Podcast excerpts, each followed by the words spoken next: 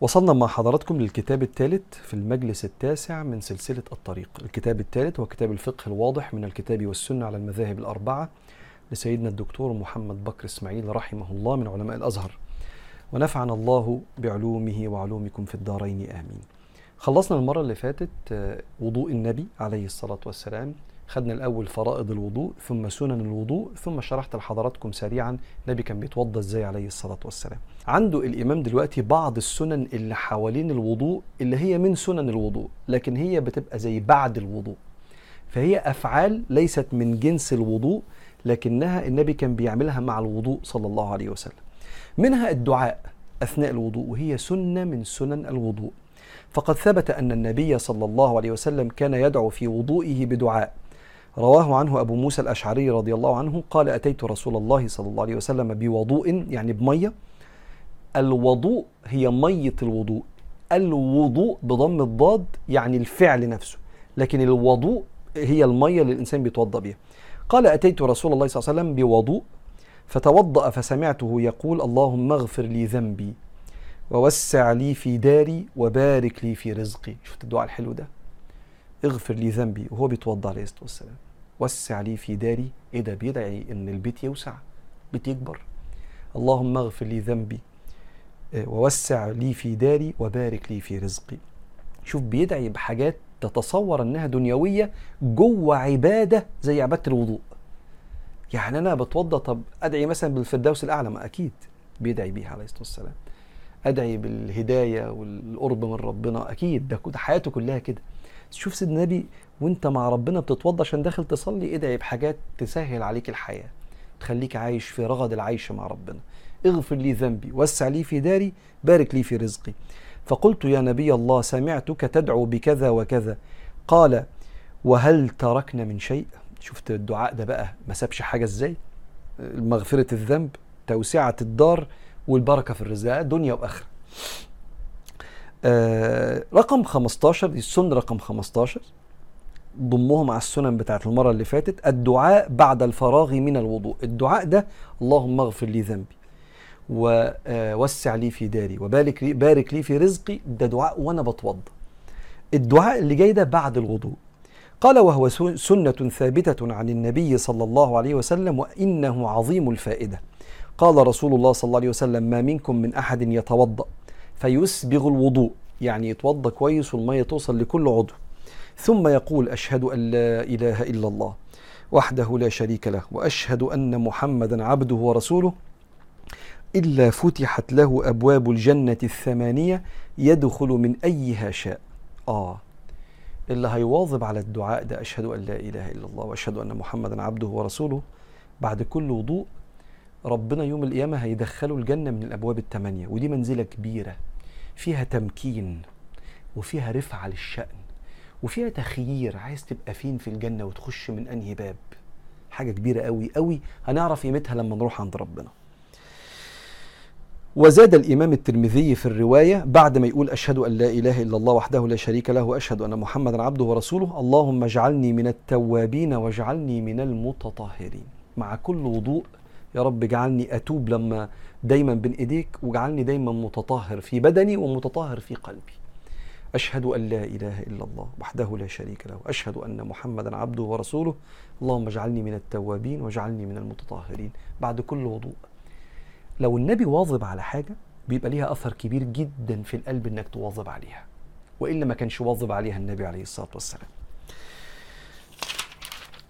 السنة بعد كده رقم 16 صلاة ركعتين بعد الوضوء. وطبعا ناس كتير مننا يبقى وقتهم صعب يعمل كده. لكن لو في يوم من الأيام كان عندك وقت وفي أجازة كده وتوضيت اعمل زي سيدنا النبي لما كان بيعمل. لحديث أبي هريرة رضي الله عنه أن رسول الله صلى الله عليه وسلم قال لبلال يا بلال حدثني بأرجى. يعني أكتر عمل عملته ترجو في رحمة ربنا. حدثني بأرجى عمل عملته في الإسلام. فإني سمعت دف يعني صوت فإني سمعت دفا عليك بين يدي في الجنة. شفتك ماشي قدامي كده وصوت آه، نعلك. نعل يعني زي الجزمة أو الحاجة اللي أنت لابسها في رجليك. قلت ما عملت عملا أرجى عندي من أني لم أتطهر طهورا يعني عمري ما توضيت في ساعة من ليل أو نهار إلا صليت بذلك الطهور أو الطهور ما كتب لي أن أصلي. آه. عمري يا سيدنا النبي ما توضيت إلا وصليت بعدها. فخدوا منها آه، آه، بعد كده وصية النبي عليه الصلاة والسلام لما قال ما أحد يتوضأ فيحسن الوضوء ويصلي ركعتين يقبل بقلبه ووجهه عليهما إلا وجبت له الجنة رواه مسلم. فلو قدرت في مرة من المرات كده تبقى تصلي ركعتين بعد الوضوء اعملها.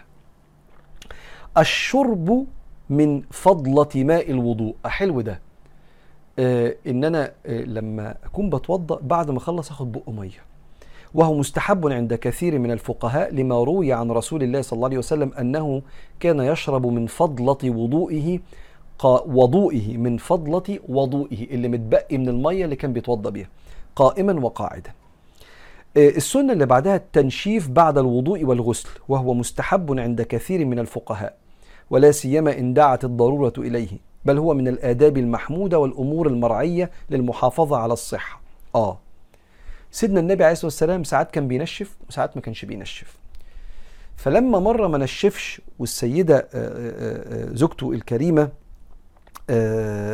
كانت السيدة ميمونة جابت له زي يعني زي فوطة ينشف بيها. فلما جابت له الفوطة قال لها لأ وقعد يعمل كده بإيديه. فالعلماء خدوا منها حاجتين إن النبي ما كانش بينشف حتى قال لها لا خلاص وعمل كده. وإنه دايما كان بينشف لأن هي مراته فمتعودة بعد ما بيتوضى بينشف فجابت له الفوطة قال لها لا خلاص المرة دي بلاش. فخدوا منها كده وكده. اللي خد منها إنه كان بينشف إنها متعودة تجيب له الفوطة فقال لها لا بلاش. فده معناه إنه دايما بينشف. والتاني قال ما هو يا جماعة ما نشفش أهو يبقى مش هننشف. فسنة إنك أنت تنشف أو تترك براحتك. آه عايز أقول لك على حاجات في الوضوء اسمها مكروهات الوضوء. إحنا كده خلصنا سنن الوضوء. لغاية مسألة التنشيف بعد الوضوء والغسل. مكروهات الوضوء يعني إيه مكروه؟ حكم المكروه عند الفقهاء إحنا عندنا خمس أحكام شرعية. فرض مستحب مباح مكروه حرام. المكروه لا يأثم فاعله ويؤجر تاركه. المكروه حكمه إيه؟ لو عملته ما تاخدش سيئات بس لو سبته تاخد حسنات. هو عكس المستحب اللي يعمله ياخد حسنات واللي يسيبه ما ياخدش سيئات. المكروه لا. لو عملته ما تاخدش سيئات. مكروه مش حرام. ولو تركته تاخد حسنات فمن ضمن مكروهات الوضوء إنك تترك سنة من السنن. يعني إيه مكروه؟ يعني بلاش تعمل كده. خلاف الأولى. توضى زي النبي الوضوء ما بياخدش 30 ثانية. آه طب هتوضى بسرعة وشي وإيديا وشعري ورجلي. حلو ربنا يتقبل منك. أنت توضيت الوضوء الوضوء اللي ينفع تصلي بيه. بس النبي كان بيتوضى الوضوء اللي حكيته لك المرة اللي فاتت اللي فيه السنن كمان. ومش هياخد وقت خالص. ولما بتتوضى الوضوء ده ربنا بيغفر لك ذنوبك اللي فاتت. فاعمل كده. مكروه تسيب السنن. واتفقنا إن المكروه مش معناه إنه حرام. آه ويكره الكلام على الوضوء إلا لضرورة. لو واحد عمال بيتوضا عمال يتكلم مع اللي حواليه مش حرام. بس كأنه بيقول له إيه؟ اخشع وأنت بتتوضا ركز. مش عشان الكلام حرام. عشان الأولى تبقى مركز وأنت بتتوضا أنت داخل تقف بين إيدين ربنا. عشان كده إيه تحس كده في قلبك بحال الوضوء. لأن هي مش عبادة تنظيف بس هي عبادة تطهير للقلب قبل الوقوف بين يدي الله. آه نقف هنا والمرة الجاية بإذن الله ناخد بقى إيه على بعضه كده نواقض الوضوء المعروفة. ونواقض إحنا فاكرينها نواقض وهي مش بتنقض الوضوء ولا حاجة. فالمرة الجاية على خير من كتاب الفقه الواضح من الكتاب والسنة على المذاهب الأربعة.